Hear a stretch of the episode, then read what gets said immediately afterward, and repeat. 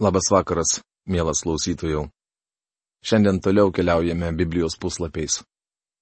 Primenu, kad esame pirmame laiške korintiečiams ir praėjusioje laidoje pradėjome nagrinėti penktąjį bei šeštąjį šios knygos skyrius. Šių skyrių tema - skandalai Korinto bažnyčioje. Potėmis, kurį nagrinėjame - netyrumas. Dabar aš jums priminsiu, perskaitydamas pirmasias septynes mūsų išnagrinėtas eilutes. Ir toliau tęsime rašto apžvalgą. Apskritai tenka girdėti apie ištvirkimą tarp jūsų, net apie tokį ištvirkimą, kokio nepasitaiko nei pas pagonis. Būtent kažkas gyvena su savo tėvo žmona ir jūs dar esate pasipūtę? Užuot nuliūdę ir taip darantį išmetę iš savo tarpo. Bent aš, nebūdamas pas jūs kūnų, tačiau būdamas dvasia, jau nuteisiau, lik būdamas tarp jūsų tą nusikaltimą padariusi. Susirinkę draugien viešpaties Jėzaus vardu su mano dvasia ir mūsų viešpaties Jėzaus galybę, Atiduokite tokį šietonui, kad sužlugdytų kūną. O dvasia būtų išgelbėta viešpaties teismų dienai. Jūsų gerimasis niekam tikęs. Argi nežinote, jog truputis raugo suraugina visą maišymą? Išmeskite seną į raugą, kad taptumėte naujų maišymų. Jūs juk esate nerauginti, nes jau paukotas mūsų Velykinis avinėlis Kristus. Ir toliau aštunta eilutė. Tad šveskime šventes ne su senu raugu, ne su blogybės ir nelabumo raugu, bet su nerauginta tyros širdies ir tiesos duona. Pirmas laiškas korintiečiams penktas skyrius, aštunta eilutė. Paulius čia nekalba apie žmogaus išgelbėjimą. Jis kalba apie tikinčiojo gyvenimą po to, kai jis buvo išgelbėtas. Nuoširdumas dar nieko neišgelbėjo. Tačiau jei esi Dievo vaikas, tu būsi nuoširdus. Šiandien pasaulis turi matyti tikinčiųjų nuoširdumą ir tiesą. Paulius kviečia te Korinto bažnyčioje klesti nuoširdumas ir tiesa. Matote, ta bažnyčia tikrai buvo nenuoširdi. Tarp jų klestėjo didžiulis ištvirkimas. Jie mane, jog kaip nors išsisuks ir apsimetė, jog viskas gerai. Jie apsimetė, kad kalba tiesą ir gyvena tiesoje, nors iš tikrųjų taip nebuvo. Aš jums rašiau savo laiške, kad nebendrautumėte su ištvirkeliais. Suprantama, ne su visais šio pasaulio ištvirkeliais - gopšais, plėšikais ar stabmeldžiais, nes tada reikėtų pasitraukti iš šio pasaulio. Bet aš jums rašiau, kad nebendrautumėte su tuo, kuris vadinasi brolis, o yra ištvirkelis, gopšas, stabmeldys, kai kūnas girtuoklis ar plėšikas su tokiu nesėskite už vieno stalo. Pirmas laiškas korintiečiams penktas skyrius, devinta vienuolikta eilutis. Paulius jau anksčiau jiems rašė ir pasmerkė šias nuodėmes. Korintas buvo į nedorybę linkęs miestas. Veneros ir Afroditės šventyklose tarnavo tūkstančiai vaidilučių, kurios buvo nekas kita kaip ištvirkelės, Jos buvo prostitutės ir visas miestas ištvirkavo religijos vardan. Taigi Korinto tikintieji leisdavo ištvirkusiam žmogui su jais bendrauti ir netgi valgyti prie vieno stalo. Jie tapšnodavo jam per petį ir priimdavo kaip savą, netgi žinodami, jog jis gyvena nuodėmingai. Korinto bažnyčia manė galinti sauliaisti bendrauti pasauliečių lygmenyje. Argi šiandien bažnyčia nemano galinti nusileisti iki pasaulio ištvirkavimo lygio ir išvengti atsakomybės, Mano draugė, nūdienos bažnyčia prarado savo jėgą. Kalbu apie bažnyčią apskritai. Ačiū Dievui, dar yra nuostabių bažnyčių, kurios šviečia šiame pasaulyje tarsi švyturiai. Tai biblinės bažnyčios, kurios remiasi Dievo žodžiu. Vieną kartą išgirdau apie jauną pamokslininką, kuris, kai jo bažnyčioje norėjo groti sunku į roką, užėmė tvirtą poziciją. Tai reiškia, jog jis prarado keletą šimtų savo bažnyčios narių, kurie paprasčiausiai išėjo. Dėkoju Dievui iš tokį kupiną vidinės tvirtybės pamokslininką. Šiandien dauguma žmonių gyvena kompromisuose jie užmerkia akis ir įsileidžia pasaulio dvasę. Bažnyčia prarado savo jėgą. Net yra bažnyčia yra paralyžiuota, o tyra bažnyčia galinga. Ta pati galima pasakyti ir apie atskirą žmogų. Paulius kalba ne vien apie ištvirkimą. Jis turi galvoje taip pat ir godumą kaip jums patinka bažnyčios diakonas, kurio pirštai lenkti į save. O kaip pinigų besigviešiantis bažnyčios narys? Paulius taip pat neplenkia ir stabmeldžių, kurie užsiminėja kitomis religijomis. Esu girdėjęs apie vadovaujantį bažnyčios tarnautoją, kuris išėjo iš bažnyčios ir įstojo į kultą. Tvirtinu jums, jog Dievo žodis moko, kad net mažiausia infekcija turi būti pašalinta iš bažnyčios, nes kitaip jis sugriaus ją ir sunaikins. Truputis raugo suraugins visą maišymą. Ką man teisti svetimuosius? Argi ir jūs nesavuosius teisėte? Svetimuosius teis Dievas. Pašalinkite piktadarį iš savo pačių tarpo Pirmas laiškas korintiečiams, penktas skyrius, dvylikta, trylikta eilutės. Paulius teigia, jog jis neteisė svetimųjų. Tai ne jo reikalas. Jis teisė tuos, kurie priklauso bažnyčiai. Dievas teis svetimuosius, o bažnyčios reikalas yra nuteisti bažnyčioje atsiradusi blogį. Mums įdomu sužinoti, kaip viskas vyko Korinte. Atsakymą surandame skaitydami antrą laišką korintiečiams. Antras skyrių nuo ketvirtos iki aštuntos eilutės. Ašgi jums esu rašęs iš didelio sielvarto ir širdies suspaudimo, su gausiomis ašaromis ne tam, kad pastumėčiau jūs į nusikaltimą, bet kad pažintumėte meilę, kurios pertekusi jums mano širdis. Jeigu kas nuliūdino, tai ne mane, bet kad neperdėčiau bent iš dalies nuliūdino jūs visus. Tokiam pakanka daugumos paskirtosios bausmės. Net atvirkščiai. Jūs turėtumėte jam atleisti ir jį paguosti, kad pernelyg didelis nusiminimas jo nepražudytų. Todėl aš raginu jūs parodyti jam meilę. Šis ištvirkęs žmogus ėmė giliai atgailauti po to, kai Paulius apie jį parašė praeitame laiške. Šiandien mums reikia daug drąsos, o ne kompromiso, kad bažnyčioje parodytume ir įvardintume tai nuodėmi. Manau, jog po to tikintysis darantis nuodėmę ją išpažins kaip ta žmogus Korinte arba kaip Dovydas, atgailaus ir pakeis savo kelius. Korinto bažnyčia išsprendė tai labai gražiai. Kodėl?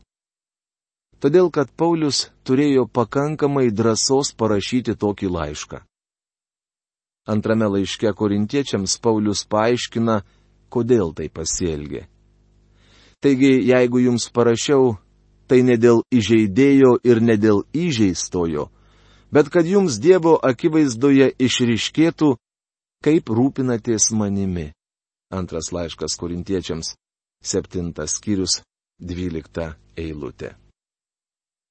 Paulius tvirtina taip parašęs dėl viešpaties Jėzaus Kristaus bažnyčios gerovės.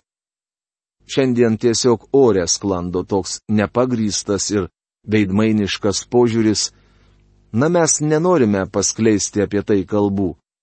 Nenorime sukelti rūpešių. Mes paprasčiausiai pašluosime tai po kilimėliu. Mano draugė, Dievas negali palaiminti taip besielgiančios bažnyčios arba žmogaus. Jei Dievas laimintų, jis būtų melagis. O jūs žinote, kad Dievas nemeluoja.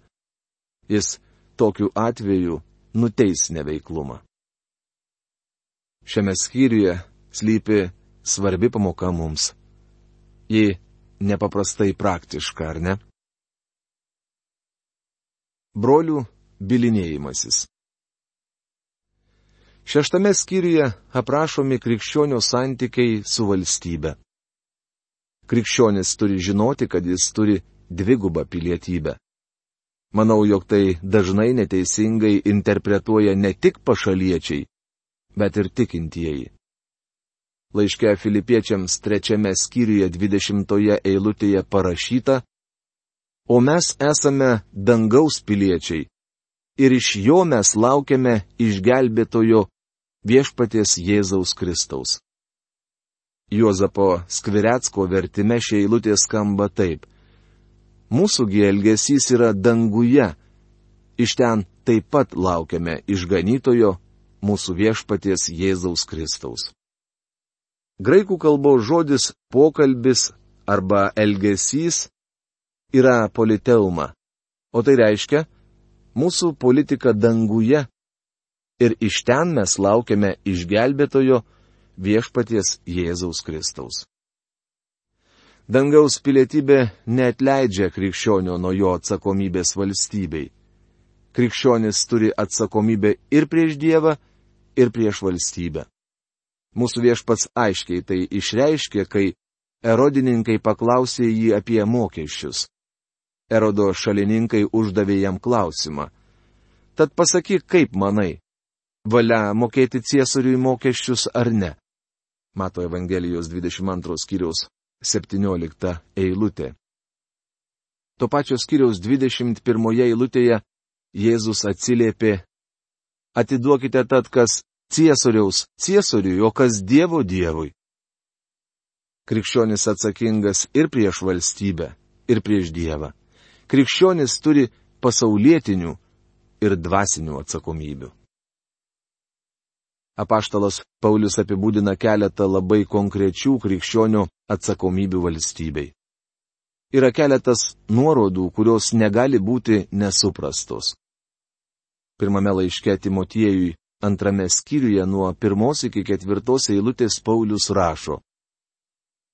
Taigi pirmiausia raginu maldauti, melstis, užtarti ir dėkoti už visus žmonės, už karalius ir visus vyresnybėje esančius, įdant galėtume tyliai ramiai gyventi visokiojopai maldingą ir gerbtiną gyvenimą. Tai gera ir primtina akise mūsų gelbėtojo Dievo, kuris trokšta, kad visi žmonės būtų išganyti ir pasiektų tiesos pažinimą. Mūsų pareiga valstybei yra stengtis turėti taikę, gerbenčią įstatymus visuomenę, kurį pripažįsta valdžia. Kodėl tai taip svarbu krikščioniui? Todėl, kad tik tuo met galime skelbti Evangelijos žinę. Apie tą patį apaštalas Paulius rašo ir laiške romiečiams 13 skyriuje nuo 1 iki 4 eilutės. Kiekvienas žmogus te būna klusnus viešajai valdžiai, nes nėra valdžios, kuri nebūtų iš Dievo, o kurios yra tos Dievo nustatytos. Kas priešinasi valdžiai, priešinasi Dievo sutvarkymui. Kurie priešinasi, užsitraukia teismą. Juk vyresnybės bijoma ne gerą darant, o piktą. Nori nesibijoti valdžios? Daryk gerą ir susilauksi iš jos pagirimo. Ji juk yra Dievo tarnaitė tavo labui. Laiškas rašytas tuo metu, kai Romoje viešpatavo tyronai.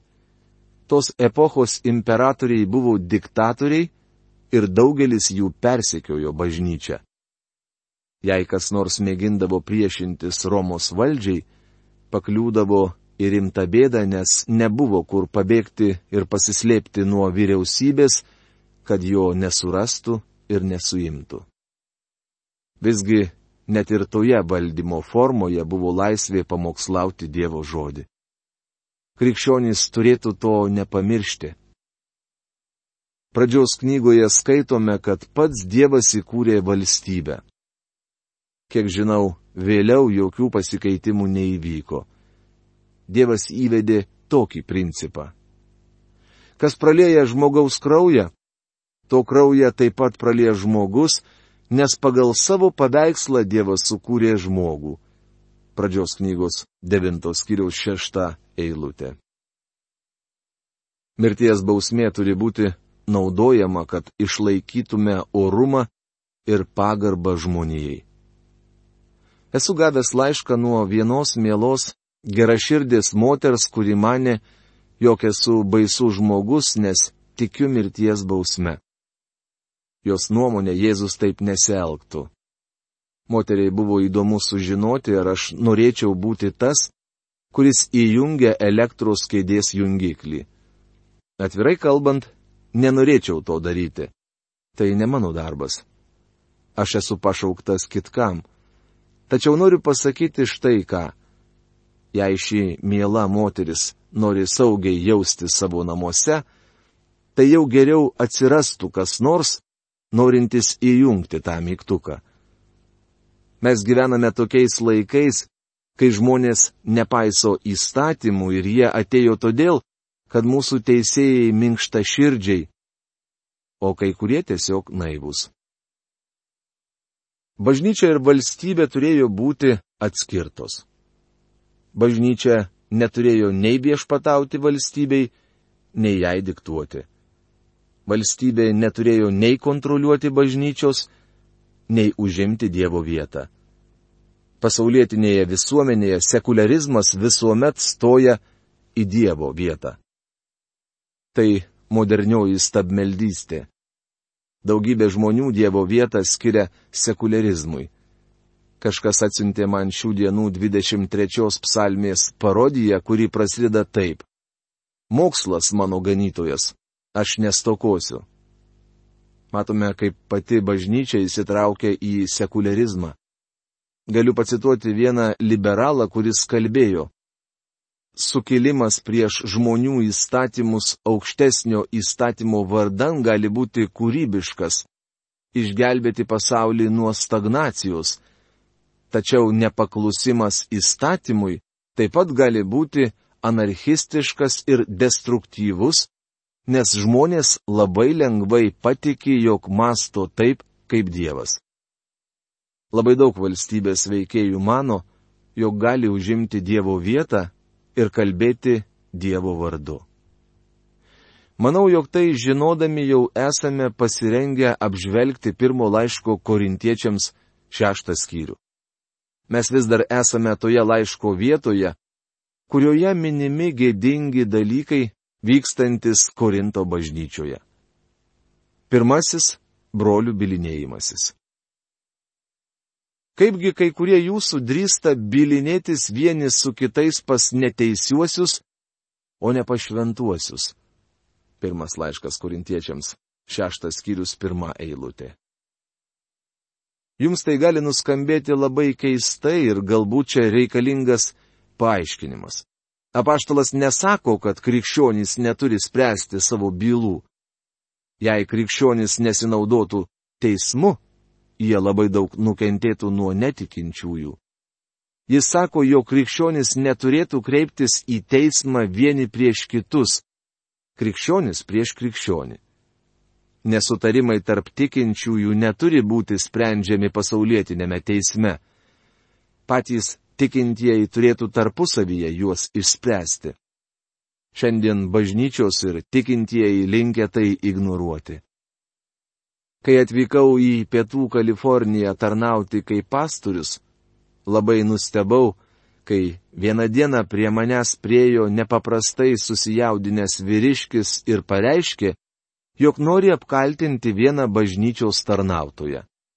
Jis tvirtino, jog tas verslo sandėryje atėmė iš jo didžiulę pinigų sumą.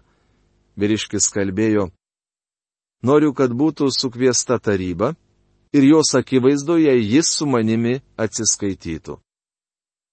Aš jam atsakiau, manau, jog tu pasirinkai teisingą būdą. Kada sukviesti tarybą, kad galėtum pateikti kaltinimą? Jis atsakė, na aš jums apie tai pasakiau. Tiek ir tai reikėjo. Aš paaiškinau jam, jog neturiu kaip patikrinti jo kaltinimų, todėl jie abu turi stoti prieš tarybą. Tuomet paklausiau, ar sutinki priimti tarybos nuosprendį? Vyriškis atsiliepė, na, viskas priklausys nuo to, ką jie nuspręs. Jei jų sprendimas bus man palankus, tuomet taip. Tuomet aš jo paklausiau, ar jis sutiks su sprendimu, jei jis bus jam nepalankus. Ir jis mane užtikrino, jog nesutiks. Žinoma, aš jam pasakiau, jog tokiu atveju galime viską pamiršti, nes iš tiesų jis nesutinka, kad kiti tikintieji išspręstų jo skundą. Bažnyčios kivirčiai neturėtų pasklisti valstybės teismuose, kad juos spręstų netikintys asmeniškus krikščionių nesutarimus turėtų nagrinėti tikintieji. Labai blogai, kai išsiskiria du krikščionys, bet nepaprastai rimta yra tai, jog krikščionis kreipiasi į pasaulietinį teismą ir svarsto savo nesutarimus netikinčiųjų akivaizdoje. Kai krikščionių pora ateina pas mane ir sako, jog paprasčiausiai nebegali sutarti, ir aš matau, jog jiems niekaip nebeįmanoma susitaikyti, tuomet patariu su toktinėms gyventi atskirai, o ne kreiptis į teismą. Kodėl tikintysis turėtų leisti kitiems tikintiesiems būti teisėjais, o ne kreiptis su savo bylai neišgelbėtą pasaulį, kad teistų jie? Vėlgi, tai nedraudžia krikščioniui į teismą patraukti netikintįjį. Tačiau kodėl du tikintieji turi leisti savo nesutarimus spręsti kitiems tikintiesiems? Kalbėdamas apie tikinčiųjų sugebėjimą teisti, apaštalas Paulius nurodo tris priežastis. Ir apie tas tris priežastis mes su jumis kalbėsime kitoje mūsų laidoje. Šiandien mūsų laikas baigėsi. Iki malonaus susitikimų. Sudė.